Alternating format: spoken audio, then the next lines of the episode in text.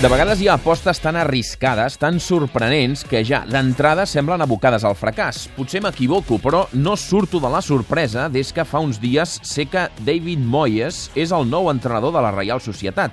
L'equip basc havia encadenat unes quantes temporades prometedores amb bon futbol i una aposta clara per un futbol atractiu dins de les seves possibilitats.